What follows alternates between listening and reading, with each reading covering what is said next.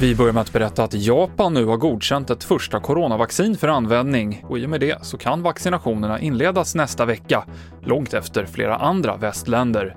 Det är Pfizers vaccin som fått grönt ljus och först ut att få sprutor är vårdpersonal.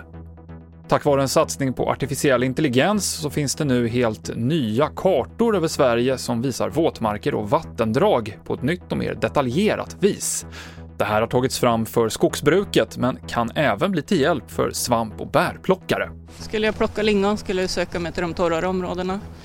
Vill jag plocka blåbär så är det ju lite mittemellan fuktighet. Då skulle jag nog vara på de gula områdena på kartan. Letar jag tranbär och hjortron då skulle jag gå till de blötare partierna, det som är blått och turkost på kartan. Det sa Anneli Ågren, forskare på SLU. Och SOS larmade ut räddningstjänst, ambulans och polis till Vaggeryds kommun i natt där några män hyrt en stuga och en badtunna börjat brinna.